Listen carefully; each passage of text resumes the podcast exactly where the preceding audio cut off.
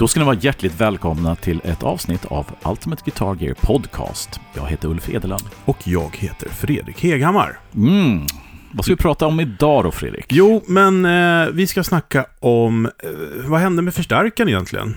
Vad Just tog den det. vägen, eller vad blev det av den helt enkelt? Mm. Så ska vi snacka EQ med fölster. Mm. Eh, och sen så ska vi också prata om en ny fuss. Som Oh. heter eh, Fat Fuzz from Squarewave. Åh, spännande. Häng med. Häng med. Ja du, Fredrik. Mm. Den, sta- den stackars förstärkaren. Ja, men precis. Ganska central ändå i, i eh, vår relation. Ska Alltså, man kunna säga. Det är faktiskt anledningen till att vi är vänner. Ja. Eh, började med en förstärkare. Ja.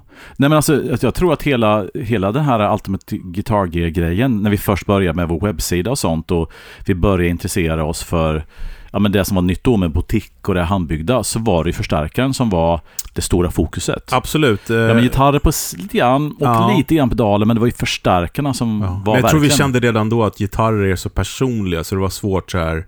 Mm, Det var ju Comet 60 som satte igång hela Ultimate Guitar Gear kan vi säga. mm, mm. Eh, och jag skulle vilja påstå att våran vänskap, förutom sådär tjenis i, på Soundside när du jobbade där, Mm. så var ju det Matchless först, men sen då också Mystic Blues framförallt. Just det. Hela den här Dumble-grejen eh, med Mystic och allt det här som Mm. drog igång. Och jag, jag, och så, det har varit sånt, alltså just förstärkaren. Alltså, jag har alltid känt så här, gitarrerna, visst då har man och man har bra instrument.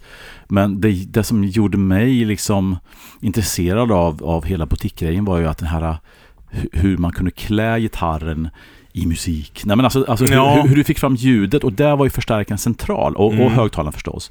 Och, och eh, men, men det känns som att det har hänt någonting de sista, sista åren. Jo, men eh, ja. du föreslog det här ämnet och jag tyckte det Mm. var väldigt bra. Mm. För, för att, ja, och det, jag tänker väl kanske att du inte tänkte att vi skulle prata så mycket om så här, ah, modellering, profilering och sådana saker. ja, men den, är, den, är en bit, den är en bit av det hela. Absolut, Mm. och, och, och det också. Men jag tänkte mer så här, när du tog upp ämnet så tänkte jag så här, Mm. ja men vad intressant. För då helt plötsligt så tänk, i mitt huvud så var det så här, mm, just det. Vi har gått från liksom att jaga den perfekta overdriven i en förstärkare till Mm. att vilja ha en clean eh, pedalplattform. Ja, exakt. Och lite steg däremellan. Och då helt plötsligt poppar upp sådana här eh, milstolpar på något sätt. För Mm. i min värld liksom så här, ja men mastervolym. Mm. Sen skulle alla ha teenagers och hit Mm. och dit. Så jag tänkte vi kunde kanske prata om det liksom. Ja, och, och jag är ju så här, lite så här, har en sån här OCD-sida, så jag tänkte bara jätte, jättesnabbt, för att de flesta av er som lyssnar vet ju liksom hur en förstärkare är uppbyggd. Och jag tänker inte liksom sitta och berätta, men jag tänkte ändå ta det för att just Man kan här... boka in oss för en sån föreläsning. Vi gjorde ju den på Marshall, Ja, äh. Marshall Group. Det kan man också göra. Men anledningen till att jag vill ta det är för att det här, hur folk tänker runt förstärkaren idag, har att göra med de olika komponenterna. Och jättesnabbt så är en, en, traditionell förstärkare består ju av en förförstärkare, ett slutsteg och oftast en tillhörande högtalare.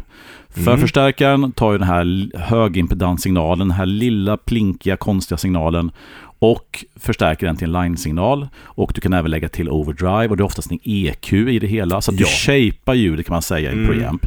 Och sen så skickas den till ett slutsteg som då har för enda syfte egentligen att förstärka den signalen som finns i preampen så att den klarar driva en högtalare i någon form. Ja, precis. Och där har man alltså man säger, förstärk, förstärkare, slutsteg, högtalare. Det är de tre stora komponenterna Mm. i en förstärkare skulle man kunna säga. Och så kan man ju också uh, verkligen understryka att varken du eller jag är ju någon förstärkartekniker. Nej, Eh, men man snappar ju upp en del eh, och vi har ju varit med och både designat och tyckt till i olika förstärkare så, där, så Mm. det är spännande. Men jag har Mm. också hört att face inverten är en av de viktigaste stegen i en förstärkare. Hur, Ja. hur den är byggd och hur precis. den är verksam.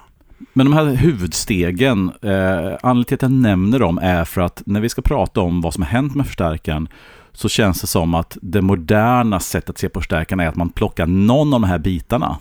In, Ja, verkligen. Inte alltid hela.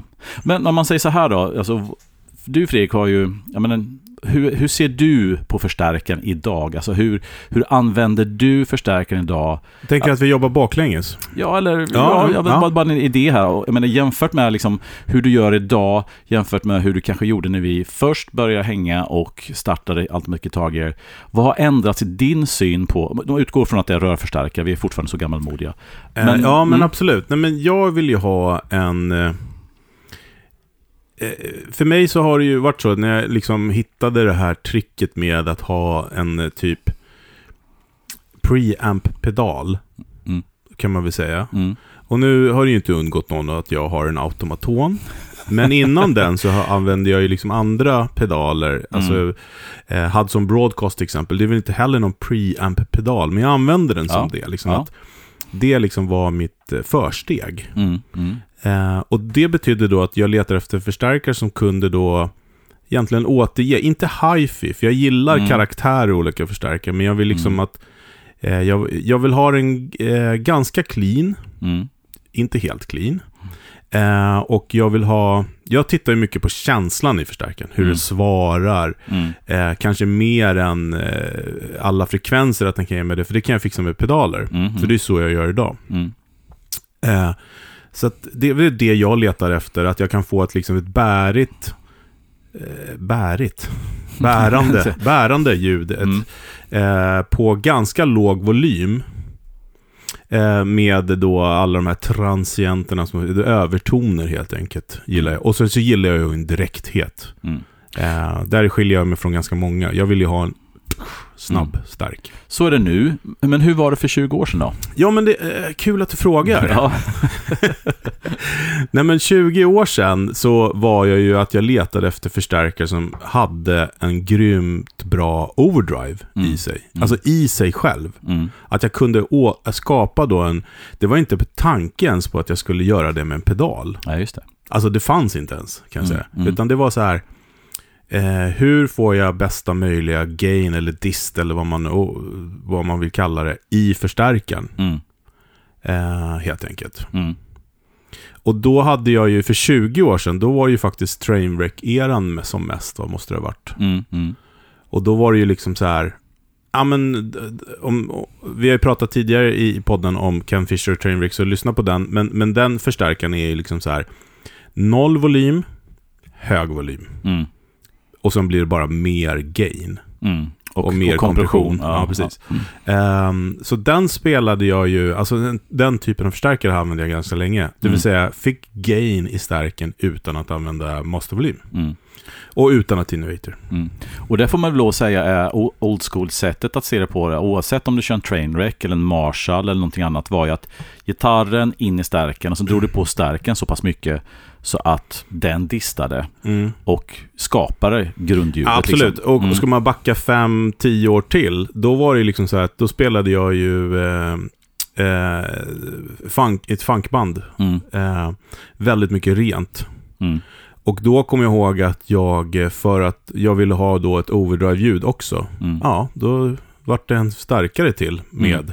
Eller det vart faktiskt två starkare till. Så jag hade crunch, det här har jag berättat förut, men jag hade ju då crunch, det var ändå en Vox AC30 och eh, en Marshall. Mm. Lead var en PV Classic 50s lead-kanal och Marshallen. Mm. Och rent var Classic 50 rent ihop med lite Vox. Mm. Mm. Så jag hade byggt ihop någon liten pedal där som jag kunde trycka på alla de där samtidigt och sådär. Mm. Eh, det hade ju varit lättare om jag hade tagit en, en bra overdrive-pedal.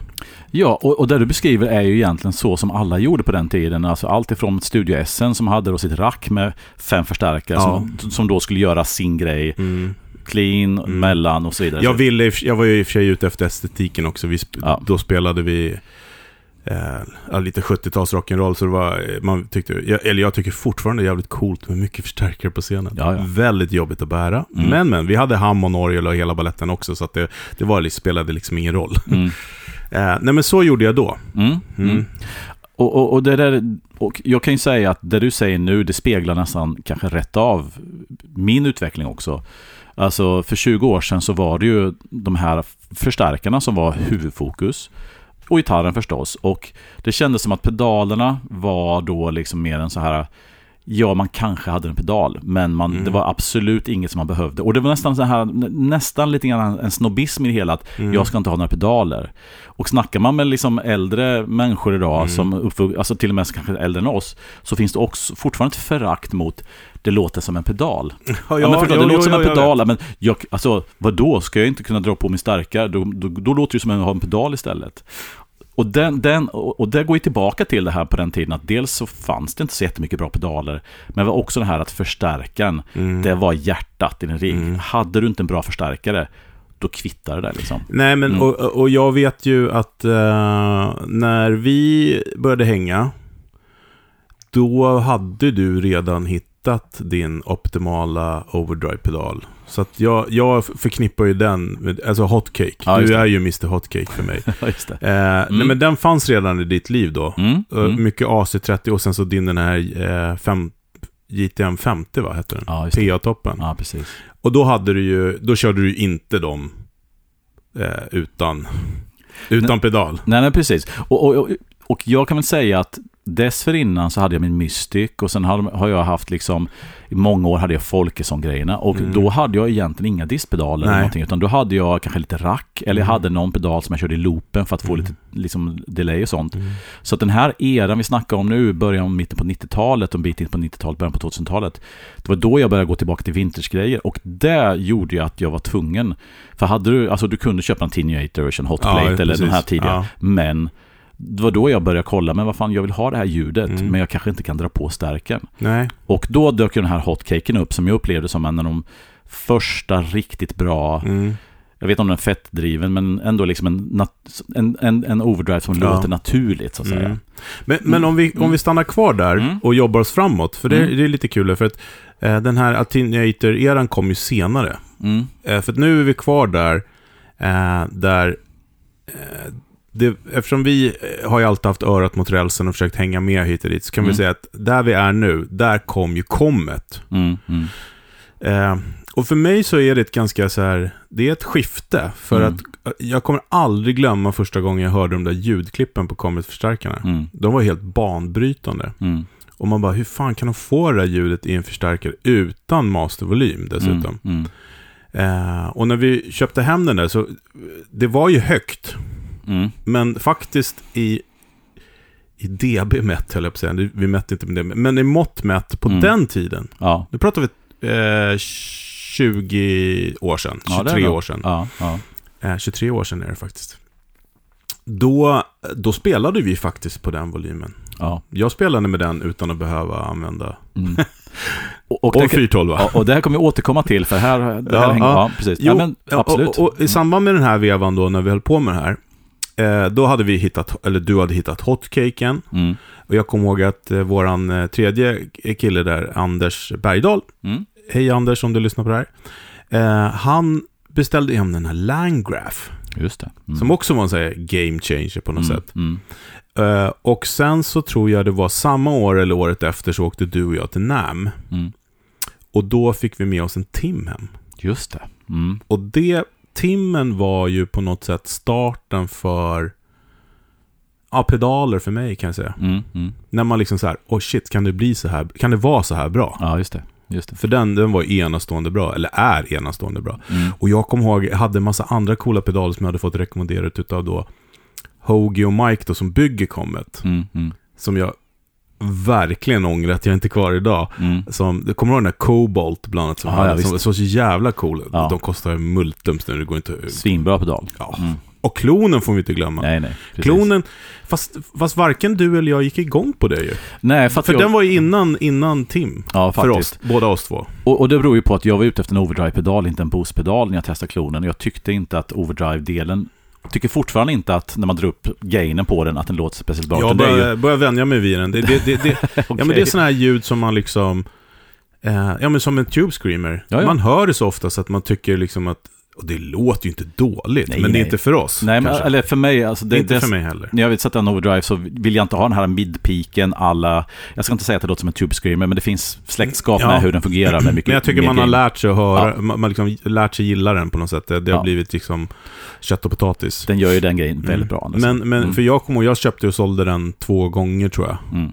Eh, då, den passade inte alls för att jag körde ja, men rent eller, eller med en overdrive starkare. Men sen så började de komma de här, eh, eller du och jag började titta på de här extremt dynamiska förstärkarna. Mm. Kommer de med Buddha, Ja. Kors när de kom med sin första, Mm. alla de här Fuchs, vad Mm. var det mer vi, ja men hela det där liksom Ja. Dumble Trainwreck. Ja.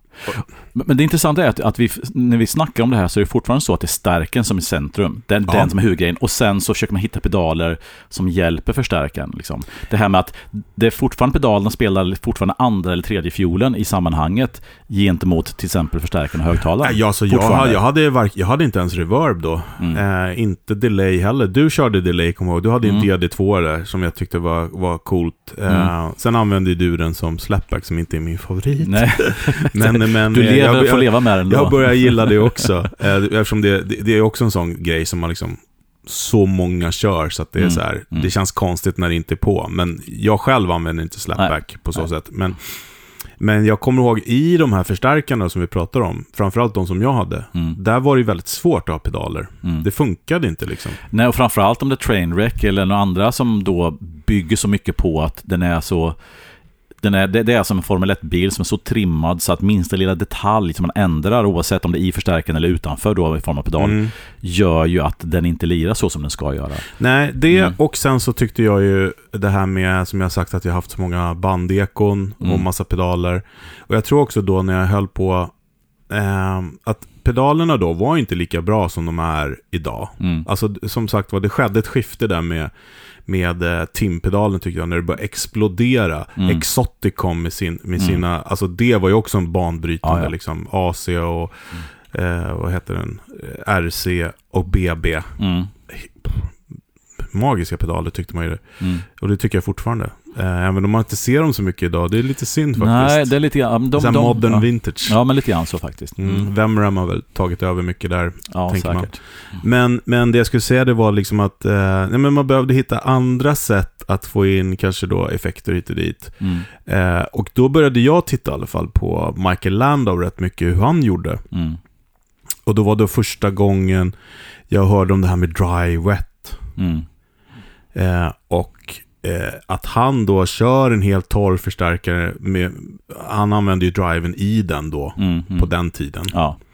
Eh, klart han hade sin SD9 och det här också, men, mm. Mm. men och så mickade han upp den, körde det till en, en sån här rör preamp och till ett slutsteg och sen till två e- effekter och Mm. sen till två stycken Mm. högtalare. Eh, och det testade jag. Det, jag köpte allting, kopplade upp det, lät helt magiskt bra. Mm. Men det var så jävla mycket prylar. Ja.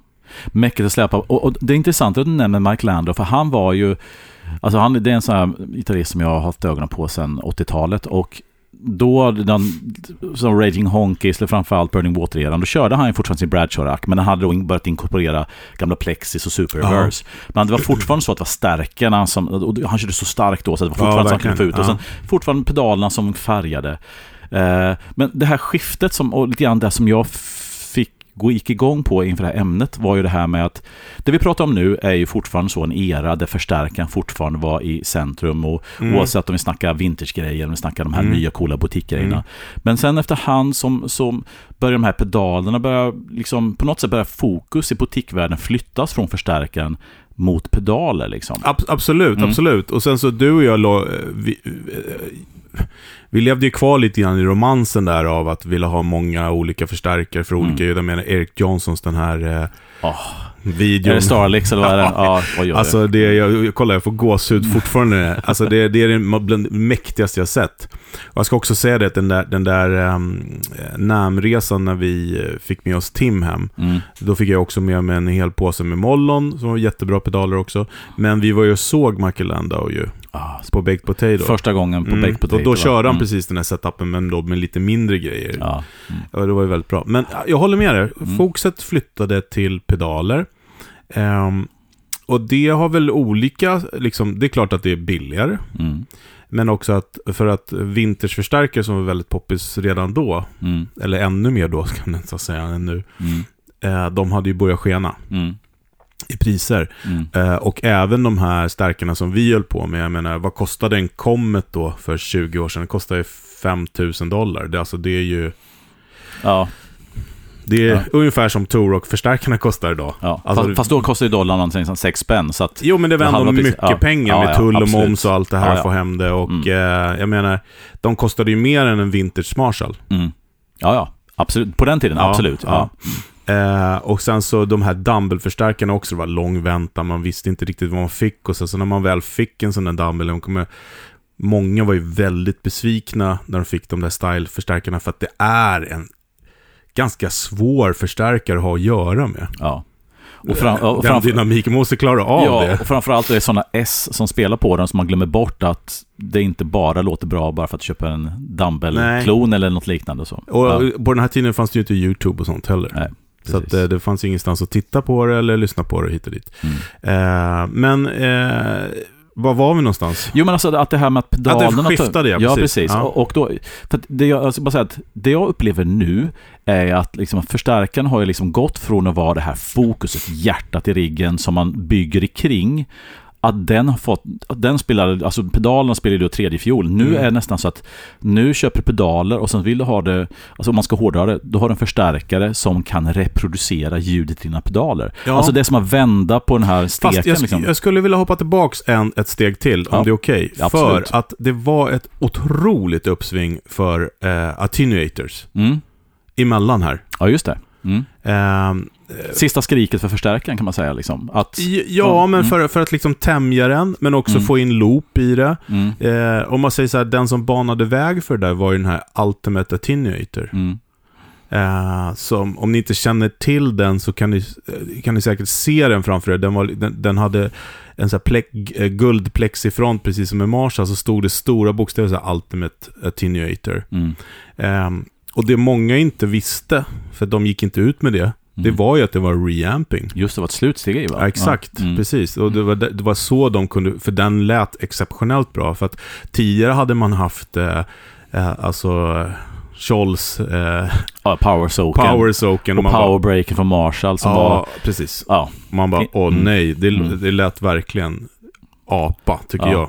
Eller, på full volym låter det ju helt okej. men drar man ner det som på en nivå som man kan sitta hemma så lät det aldrig speciellt. Ja, men precis. Nej. Och THD kom. Ja, ja. Det, var ett Eh. det var ett snäpp upp tyckte jag. Ja, verkligen, verkligen. Mm. Och de använde ju faktiskt eh, högtalar-coils, alltså, eller kon, för att, om jag förstått det rätt. Ja, ja, vad gjorde de det? Ja, men eh, de hade, de, det var någon teknik de eh, använde. Men det var väl Weber som gjorde det va? Förlåt, Weber, vad Ja. sa jag? THD? Ja, det sa det. Ja, just det. Men de kom, eh, Weber, jag menade Ja, Weber. De precis. gjorde det, precis. Ja. Och THD kom också samtidigt. Så det och sen så kom ju då flaggskeppet Faustin. Ja, de gick från passiva till eh, reaktiva Precis, laster. Så att då det började liksom låta, eller kännas mer framförallt som en högtalare. Ja, men jag kommer ihåg, Mm. då köpte jag hem en sån. Eh, hade tur och var liksom tidig. På, för där var det ju klassiska där att han gick in i väggen och var skyldig hela världen pengar helt Bo-. Boutiquedöden, ja. Mm. Ja, men jag, men jag har en sån och den är ju faktiskt väldigt, väldigt bra. Mm. Eh, den funkar, men det är som vanligt med Teenagers, man måste sätta på den innan du startar förstärkaren Mm. och ställa in ljudet. För om du ställer in ljudet och sen sätter på attenuatorn, Ja, det är att- ingen som klarar Ja, du av- måste börja på Ja, volym för att ja. liksom eh, inte Ja. gå från högt till lågt. Nej. Det går inte. Ja. Nej, men det kommer jag ihåg. Och jag du hade, hade ju en THD. Ja, jag hade en TDU som jag körde många år och sånt. Och, och det du säger, det är intressant att man gick från att köra på väldigt stark volym och pedaler var liksom till, bara tillskott. Och sen kom det här med, okej, men vi måste sänka volymen, men jag vill ändå ha hur förstärkaren låter och kanske continuators. Men, men anledningen till att jag, och jag tror att hela continuator-grejen inte riktigt höll, var ju dels för att det var mer grejer att släpa på. Mm. En till burk, liksom massa kablar. Och när du sänkte volymen på den nivån som du ville vara nere på så lät det inte speciellt bra. Liksom, och, och, Nej, och sen var det också någonting hur stärken agerar när du inte har någon volym. Vi har ju pratat om det många gånger. Liksom, Ja. att det handlar inte bara om att låta slutsteget jobba, utan det handlar också om att hur högtalaren jobbar ihop med förstärkaren. Så, ja. så att jag, jag var aldrig nöjd riktigt med nej, hur nej, nej, nej, nej, funkar. nej, liksom. nej, inte jag heller. Det var ju Mm. så här, verkligen så här inte ett ont Mm. på något sätt. Men eh, sen då i slutet av den här attenuator-eran, då kom ju de här impulsresponserna Mm, som bara var någonting man kunde ha i en fin studio. just det. Mm. Eh, kommer ihåg Pontus Norgren var väldigt tidigt med det att göra Mm. sådana här bra liksom. Eh, och då helt plötsligt funkar attenuatorn mycket, mycket bättre. När man körde till I en studio. i en stu- och man Ja. körde attenuatorn ut i en IR-spelare eller hade alltid samma eller något sånt där. Ja, precis. Ja, mm. Och sen så ska vi också säga att den här Ultimate uh, Attenuator, eh, liksom setupen med reamping då, var ju liksom, är på något sätt vägen att gå, tycker jag. Mm. Det är ju det som uh, Fryettes... vad heter? Exakt. Ja. Power Station heter den va? ja, och den där Bad Cat, uh, Ja. var den, un, nej, vad heter den? Unleash. vad Unleash. den? Ja, men det, det är Bad Cat tror jag. För, då kan du höja både upp och ner. Just det. Och du kan då, i och med att du har en först, du, i och med att du har ett slutsteg i den, så kan du ju faktiskt använda effekter. Du kan faktiskt göra en plexi till en, Mm. en stärk som har loop, Precis. tack vare den. Men sen Uffe, Mm. Sen kom ju True Bypass-switchen. och då exploderade pedalvärlden. Ja, ja, eller något. Ja, jag vet inte. Nej, men alltså det var så mycket snack om True Bypass då i början att, att eh, du skulle inte ha någon buffer, det skulle inte vara någonting. Ja, det berodde ju på att bosspedalerna hade då... Och sen så har det Ja, vänt de, var, helt de var Ja. oförtjänt ute ett tag, Ja, precis. alltså. Och sen har det vänt tillbaka och nu ska alla ha buffrar istället. Nej, men, och, och grejen är så här att, att för att gå tillbaka till Landau och oss själva inte minst, eh, så är det ju så här att när vi tröttnade på hela den här volymen och sen så försökte vi med attenuators och det blev aldrig riktigt bra. Vad hade vi kvar då? Jo, då hade vi kvar att använda pedaler in i en förstärkare som, som inte låter så starkt. Och kanske inte ens distar egentligen. Liksom. Nej. Och, och eh, jag tycker att den övergången har inte alltid varit lätt. Men jag måste säga, med dagens kvalitet på pedaler så låter... Jag kan nog säga att mitt sound är bättre än någonsin. Och Ja, jag använder jag i princip bara pedaler rätt in i en clean stärk. Mm. Men det för ju med sig också det att den här stackars förstärkaren har ju gått från att vara den här huvudgrejen till att bli bara någonting som reproducerar ljud.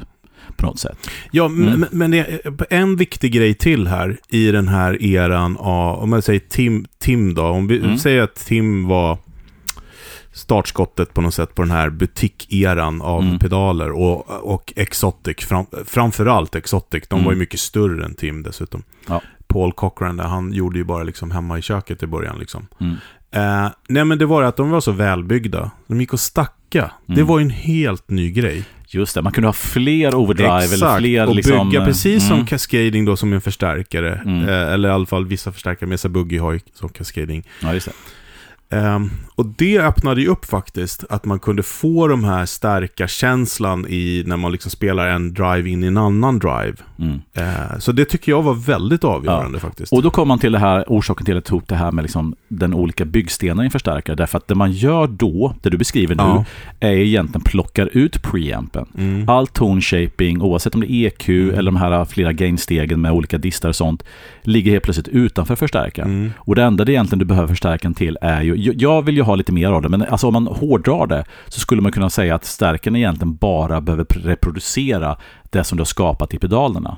Yes. Så, det, så att en del har ju, man skulle i princip kunna köra in pedalerna in i return, om man nu hade haft en sån, och bara använt slutsteget. Ja. Jag personligen, jag tror att du håller med mig, jag Mm. tycker om att köra in en stärkare som har tonkontroller, där du kan shapea någonting som har sin personlighet, där man inte lägger allt i knät på pedalerna. Mm. Men väldigt många idag använder ju förstärkare idag som, som egentligen bara en, en, en förstärkare. Alltså Mm. utan att shapea, utan bara förstärka. Mm. Och eh, ja, Ja, man, man, Mm. man låter liksom högta- äh, konstruktionen shapea istället då. ja men du har dina pedaler som du stackar, du har flera pedaler Ja. och sen shapear du liksom, har EQ och allt Men sånt. finns det, eh, jag, jag, jag tror inte jag eh, känner någon liksom som använder så här typ linjär förstärkare om man säger, någon, alltså som ett slutsteg på Mm. pedalerna och det, det, det vet jag nog ingen som gör faktiskt. Inte kanske med pedaler. Men däremot vet vår vän eh, Lasse Bjurhäll, hej Mm. Lasse, Mm. han har ju hållit på och letat efter en bra digital lösning och Mm. eh, testade ju den här nya UA-pedalen som Mm. är då oxen i, alltså högtalarsimulerings... Just det. box, den här stora eh, attenuator Mm. eh, box, loadbox, eh, fast de har gjort en pedal då som inte är load. Boxbox va? Ja, Ja. precis. Mm. Ox pedal tror jag den heter, eller något, Mm. jag vet inte. UAS i alla fall. Mm. Med högtalarsimulering. Eh, och inte förstärka simulering. Just Utan den har bara högtalarsimulering. Mm. Och Lasse har ju en sån här Etos, jättefin preamp. Mm. Och den lät tydligen fantastiskt bra. Mm. Eller vi har ju fått höra ett klipp, det låter Mm. jättebra. Mm. Och känns bra och sånt. Ja. Nej, men, och, och, och det är ju så liksom att och ska, man ha, ska man gå ännu längre åt den grejen att man inte har en förstärkare alls, då, ja, men då går man in med modelleringsträsket och då helt plötsligt så blir PA din förstärkare. Mm. Du har inte någonting ens på scen som flyttar luft. Nej. Du behöver inte ens ett slutsteg som driver en högtalare. Utan du har en toe-shaping. Du kan ju faktiskt ha pedaler, köra in i någon tor- torpedoburk eller som den här som vi snackar om nu. Ja. Och sen ut i ett PA så att du bara har din in-ear Mm. eller en monitor Mm.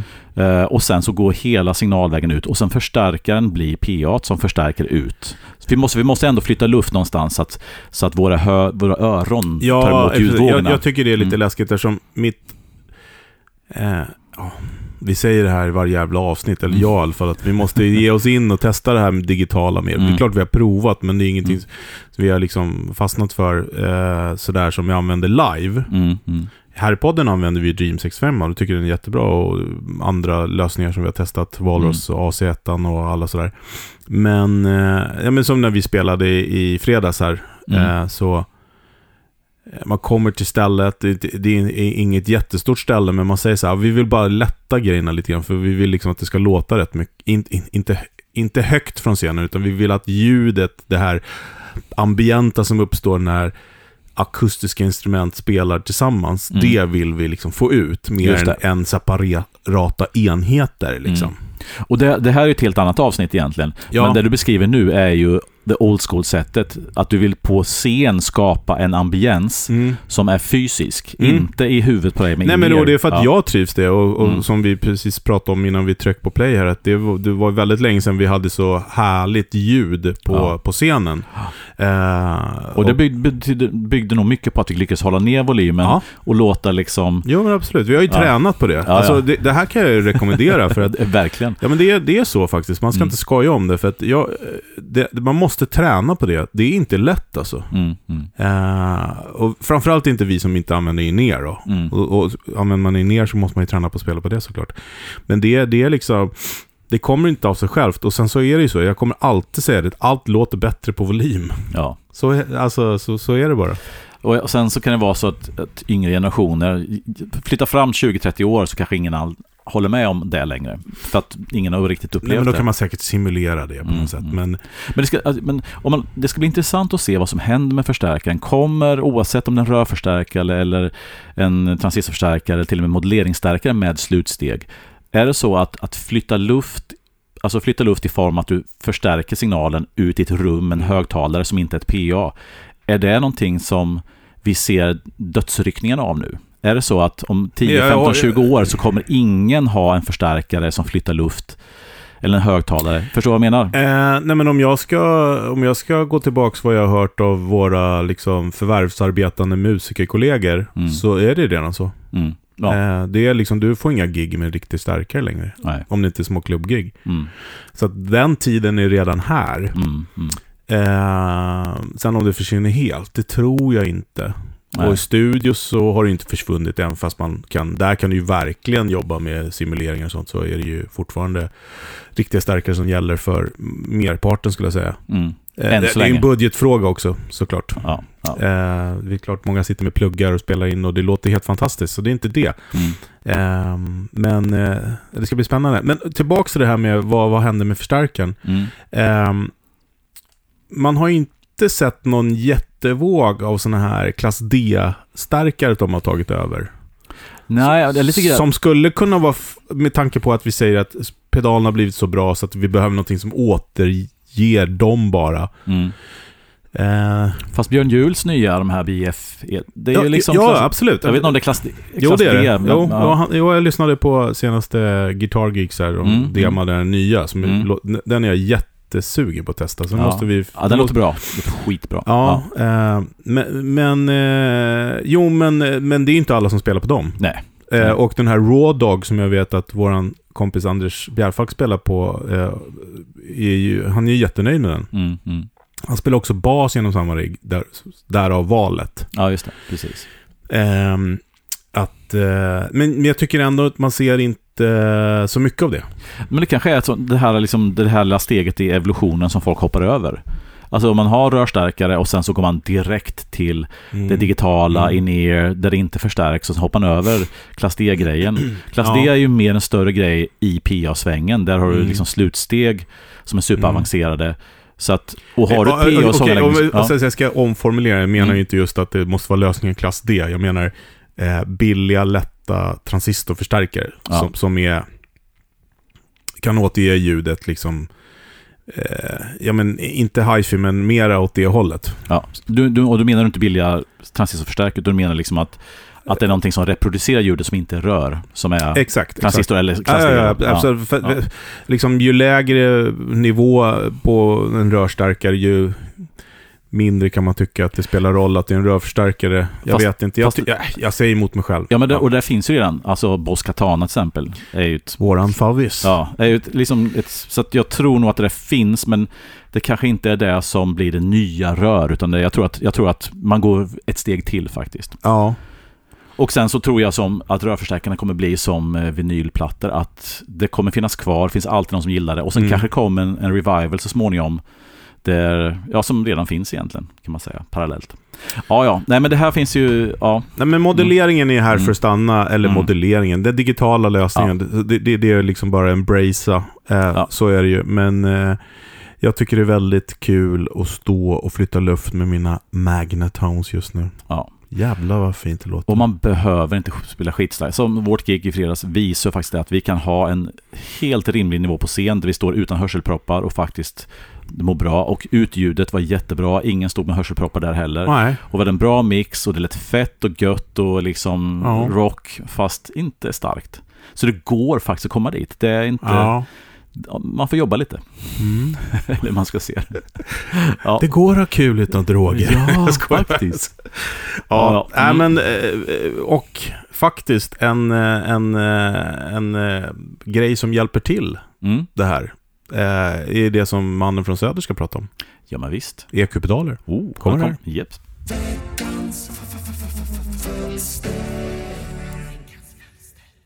Sådär, då kör vi veckans fölster. Och den här gången har jag tänkt snacka om EQ-pedaler och pedalers EQ-möjligheter i stort. Eh, Att en EQ-pedal är ett ytterst kompetent verktyg är knappast en nyhet. Eh, Men det är också, inom citationstecken, en lite tråkig pedal. Lite diffus i vad den kommer göra för dig. Till en början möjligen lite avskräckande och till synes komplicerad som pedal med olika frekvenser som gemene musikant inte självklart kan relatera till. Eller så talar jag bara för mig själv. Jag har absolut tyckt att en grafisk EQ-pedal har verkat komplicerad och när jag har valt drives och boostar så har jag alltid gått efter devisen less is more och har gått mot modeller med ingen eller någon enstaka tonkontroll. Eh, den kurerade upplevelsen, så lite skit i signalkedjan som möjligt. Låta någon annan, smartare än mig, ställa pedalens EQ-kurva. Problemet med den devisen, och det är ju knappast någon raketforskning, är såklart att det är svårt för någon att designa, säg en overdrive, utan ekomöjligheter och samtidigt få den att passa olika typer av stärkare. Och det har jag fått lära mig den långa hårda vägen. Och därför sneglar jag nu lite mer mot drives och boostar med lite mer EQ-alternativ för att kunna matcha det bättre med min rigg. Så som Exotic Super Clean Booster, tror jag den heter. Vit minipedal med dip-switchar för att ställa var på EQ-spektret den ska lägga krutet. Eh, Kingsley Page med både tonratt, basswitch och diskantswitch. Eh, och även ett ganska nytt inköp här. Eh, vad heter den nu då? Valberuk Kaluna eh, Drive med trebands-EQ. Och det har väl varit lite av en inkörsport till att ta mig an en ren EQ-pedal. Man brukar dela upp EQ-pedaler i två kategorier. Eh, grafiska och parametriska. Det grafiska har separata reglage för olika frekvenser. Nästan uteslutande olika typer av sliders. Kallar man det så? Sliders. Reglar kanske man säger också. Eh, och parametriska EQs har förmågan att flytta frekvenserna man vill kontrollera istället. Och även ofta styra Q-värdet, det vill säga hur snäv eller flack frekvensspetsen eller frekvenspiken man flyttar ska vara. En klassisk parametrisk EQ tänker jag är eh, den gamla TC-pedalen utan footswitch. Jag kan inte exakt vad den heter men ni vet vilken jag menar. Det är samma serie som den klassiska koruset. 80-tals, svart box, små fina rattar med olika färger. En lite modernare variant på det här skulle kunna vara Empress Para EQ som kom för några år sedan i nytt uppdaterat format. Som verkar helgrim om man vill ha en parametrisk EQ-pedal. Eh, e Då skulle jag gått på den. En klassisk grafisk EQ-pedal är Boss GE7. Och lite modernare skulle kunna vara Source Audios programmerbara. Som inte har sliders faktiskt, utan har en liten skärm. Och så kan man programmera olika ja, men, EQ-inställningar eh, e helt enkelt. Som man kan switcha mellan. Och det är en klassisk Boss G7 jag har skaffat. Sju band, från 100 Hz upp till 6,4 kHz. Plus en nivåkontroll för att kunna kompensera om man tappat total nivå när man EQat.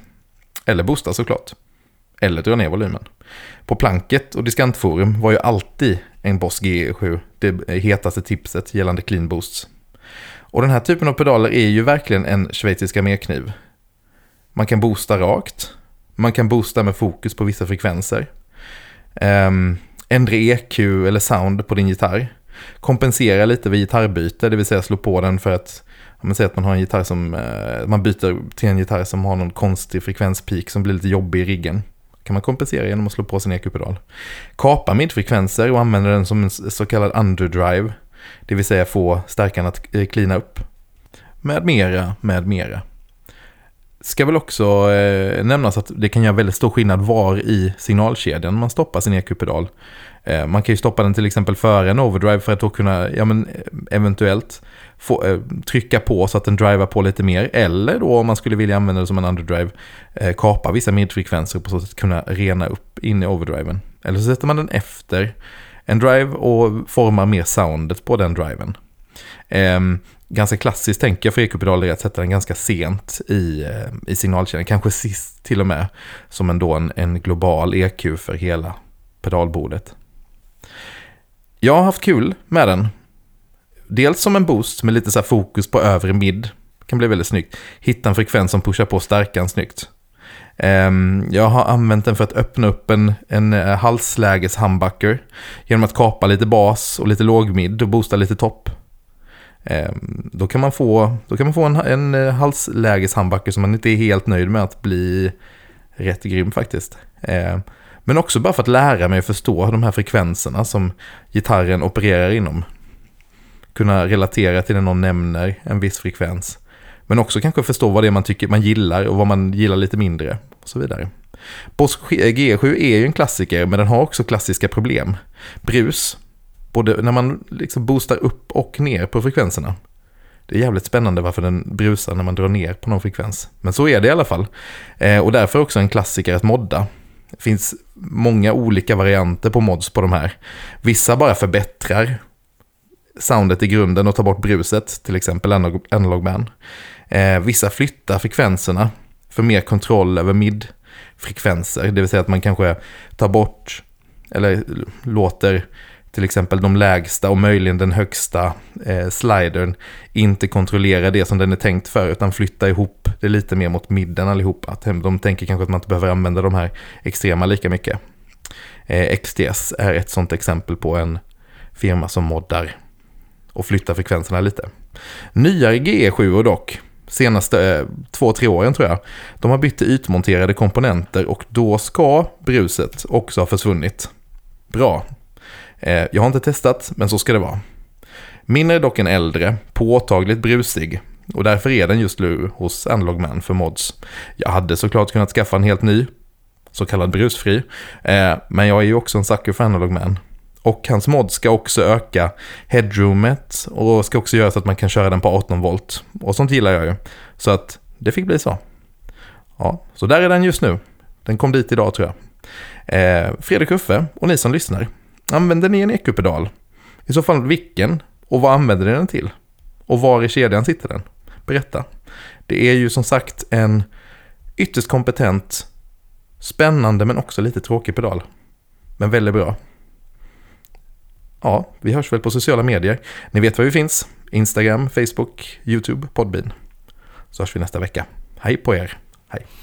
Ja, nu så, nu snackar vi. Här är vi. ju din grej. Ja, Äntligen. Eller min, min uh, nyupptäckta grej kan man säga. Eller ja, ny, sen något år tillbaka. Nej men alltså ekepedaler har ju, har ju aldrig varit någonting som jag varit intresserad av. Jag tyckte bara att det är bara så här totalt onödigt. Det är bara konstigt och den som har en ekopedal, ja, jag, jag fattar inte riktigt vad de ska ha den till. Nej. Tills jag faktiskt slog mitt huvud så hårt mot den här väggen. Vad, ska jag göra för någonting? Jag får inte till det. Bla bla. Det är olika från gig till gig och det låter liksom olika med gitarrer hit och dit. Och man byter förstärkare, man byter mickar, man byter pedaler. Till slut som någon sa, eller man kom på det själv, liksom, ja men jag ska nog testa en EQ-pedal. Alltså, du vet det här. och sen koppla in den och sen säga, okej, okay, nu vill jag ha lite mer av det här. Och i det läget hade jag bytt någonting. Men istället för så drog jag på Mm. någon här, den här liksom Mm. Faderna om det då. Jag vet, det är så dumt så Ja. att man Och sen så fick jag lite mer den här midknorren, eller den här öppnar upp den lite grann, eller sänkte låg Och så bara så här, och det var så här, varför har jag inte gjort det här tidigare? Det var verkligen den känslan. Mm. Nej, jag, jag kör ju inte EQ. Mm. Men jag har ganska kraftfull eh, preamp då. Där jag kan ställa Du in. har ju egentligen en EQ. Ja, alltså, fast, den, fast den är jättekraftfull EQ i.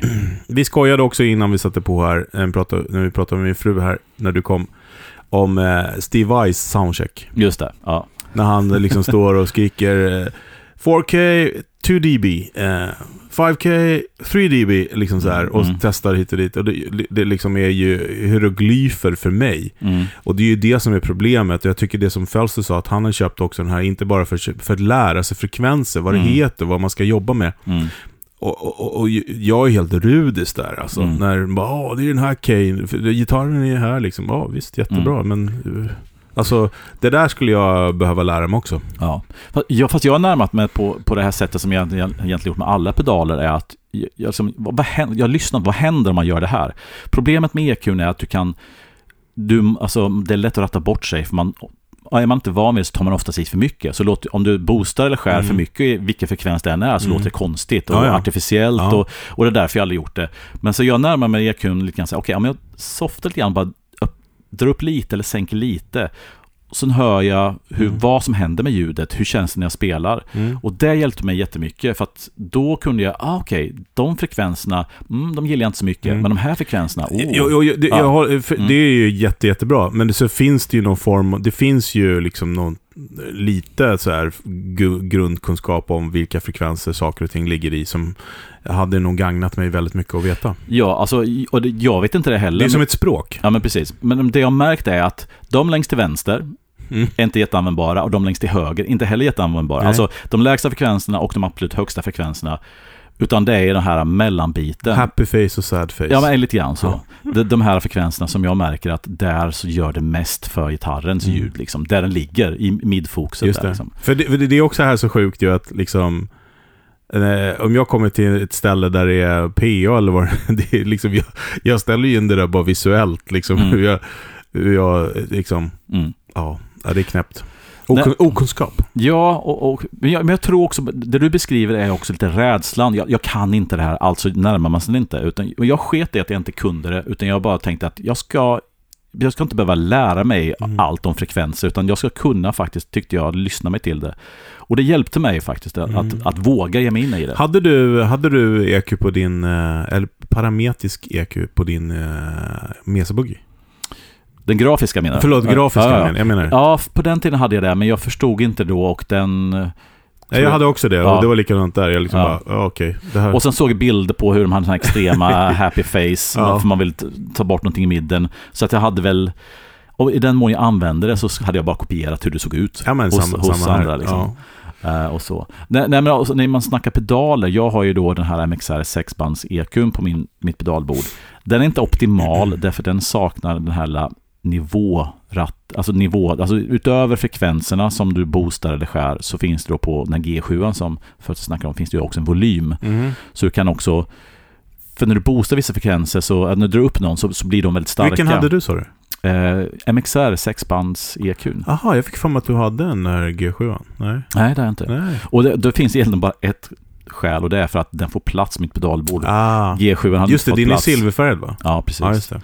Eh, och den, den EQ-pedalen som jag fortfarande har kvar som jag använt som jag tyckte var fantastisk var den här Boss EQ 200. Jag tänkte säga det, precis den är lite större. Ja, precis. Den är- Programmerbar va? Ja, programmerbar. Du kan liksom spara presets och Mm. också fler band så du kan liksom pinpointa den grafiska EQn mer. Den, är, den har mer möjligheter så.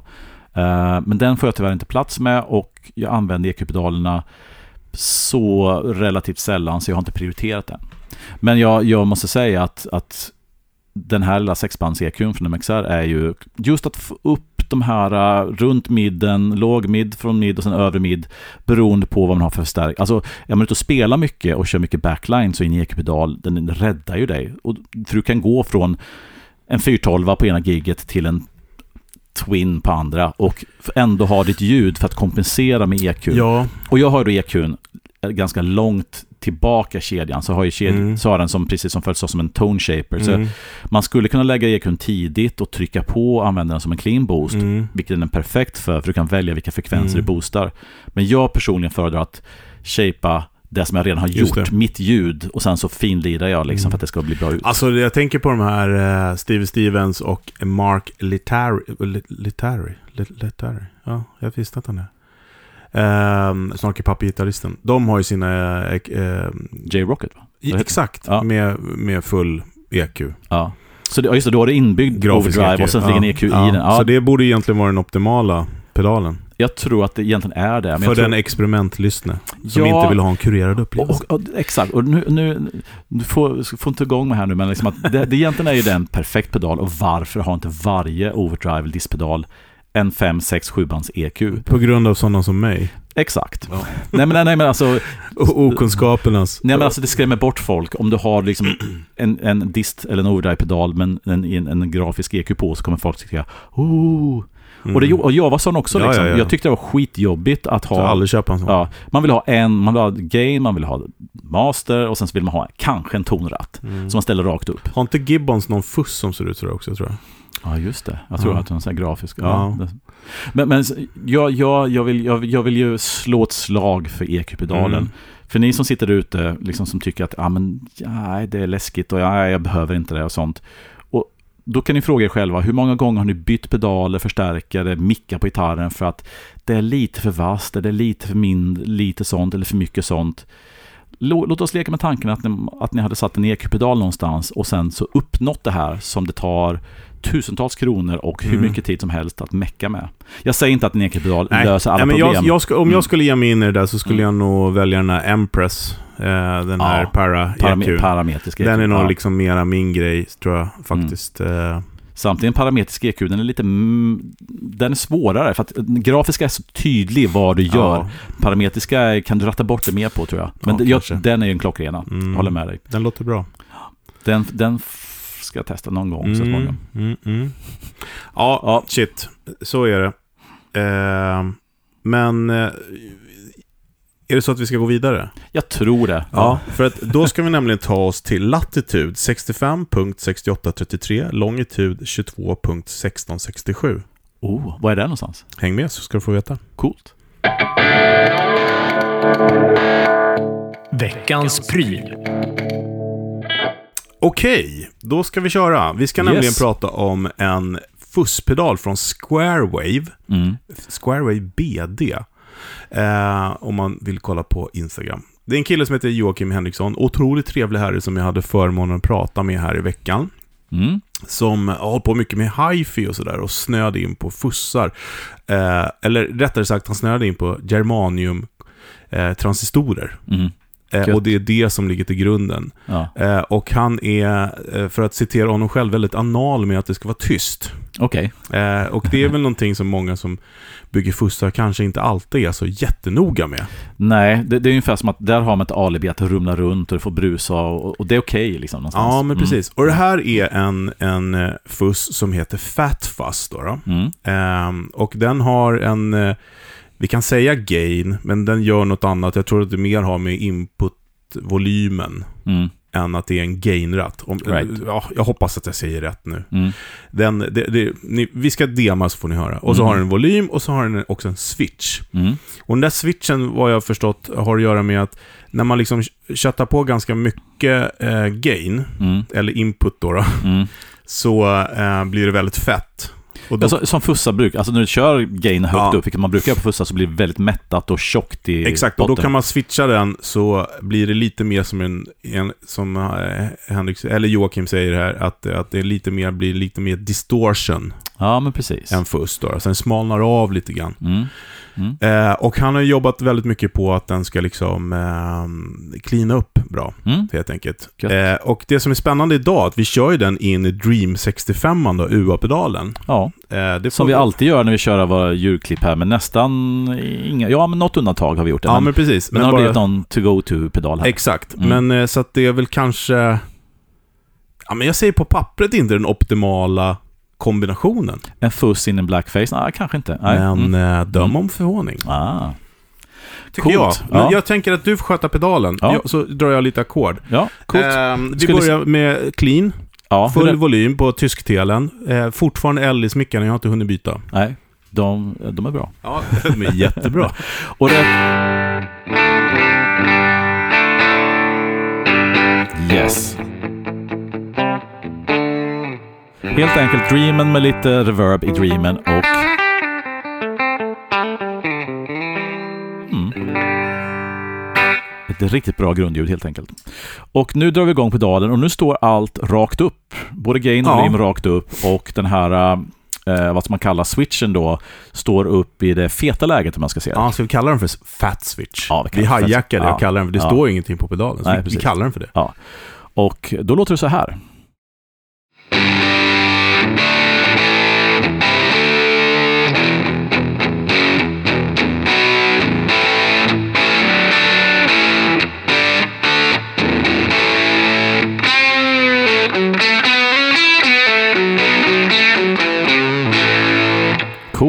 Och vi sänker den till klockan nio, alltså nio på klockan.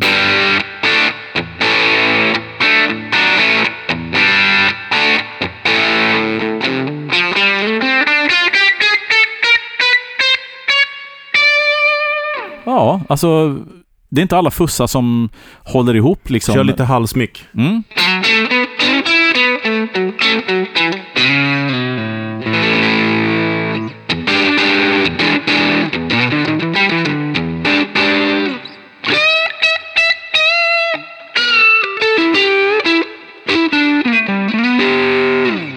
Snyggt.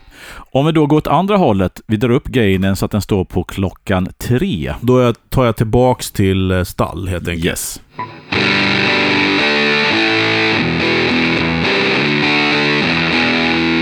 Då börjar den liksom bli, bli lite för fet. Men om du mitt innan jag spelar slår över till den här switchen så Ja. nyper ihop lite grann. Mm.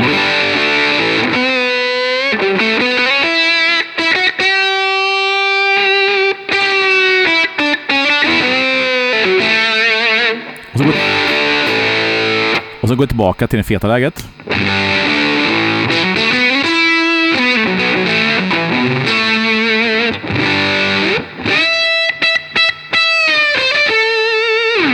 Och det är coolt också, framförallt om man spelar på liksom lite tunnare strängar.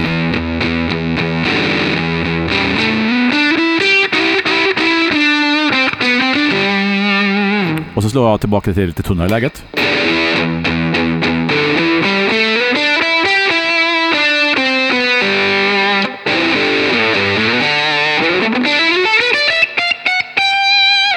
Coolt.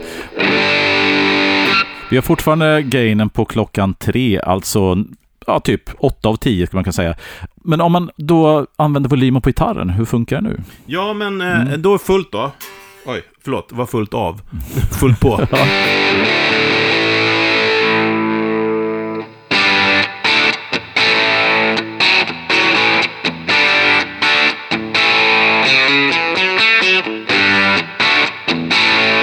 Kanonljud tycker Ja, jag. verkligen.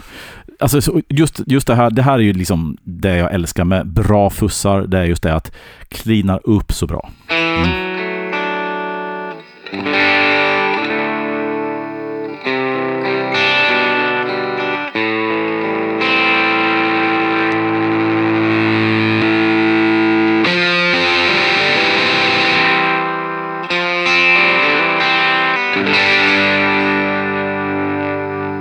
det som är coolt också är att den behåller ganska mycket kropp fortfarande. Så att en del fussar kan bli väldigt cleana men också väldigt tunna liksom. Precis. Mm. Sätt den på 12 Mm. eh, och sen så drar du på, stänger av den här, eh, ja precis, switchen upp då så att det är fetläget där. Mm.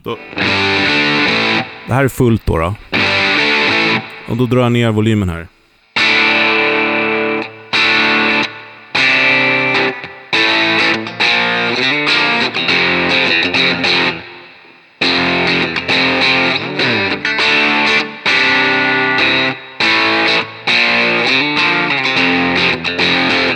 Det, det där är ett ljud som går igenom ett, i, bra i band kan jag säga. Ja, men precis. Och, och än en gång, liksom att att det är att du har allt det här från det här sprilliga, liksom nästan AC30-liknande som du har nu, till det här ganska feta mättade liksom. Om jag inte, om jag, jag har kvar det här. Mm. Nu har jag neddragit på gitarren. Om det höjer upp igen då till, eh, lite till, där någonstans, precis. Då låter det så här. Jag har inte rört vid gitarrvolymen nu då.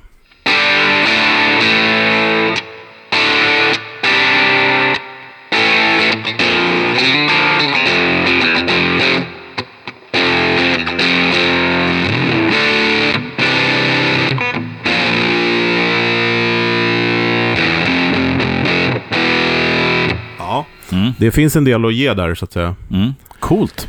Jag har ett litet pip i våran rigg när jag drar ner volymen, men det är inte pedalen, det är strömmen. Fast jag tror inte lyssnaren kommer höra så mycket för jag kommer att mixa bort Du kommer mixa bort det, men Ja. jag hör det i alla fall. jag vill bara vara noga med att, nej, jag har testat den här pedalen. Jag körde faktiskt live med den i fredags. Ja, just det. Och den är dead quiet. Ja. Eh, och väldigt pålitlig vad det kommer till eh, ja, men värme och sånt. Det är ju Ja. en germanium, så den är ju värmekänslig. Men Mm. väldigt lite skulle jag vilja säga. ja. Nej men precis. Och, och, det tycker jag det är också någonting som man ska liksom applådera för att det är inte alla som ens bryr sig om det faktiskt. Jag drar ner lite igen. Eh, Mm. Favoritljudet eh, är ju... Ja, där någonstans.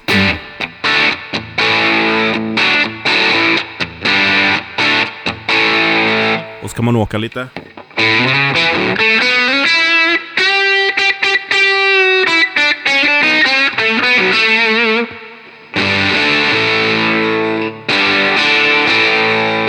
Ja, asbra och väldigt dynamiskt.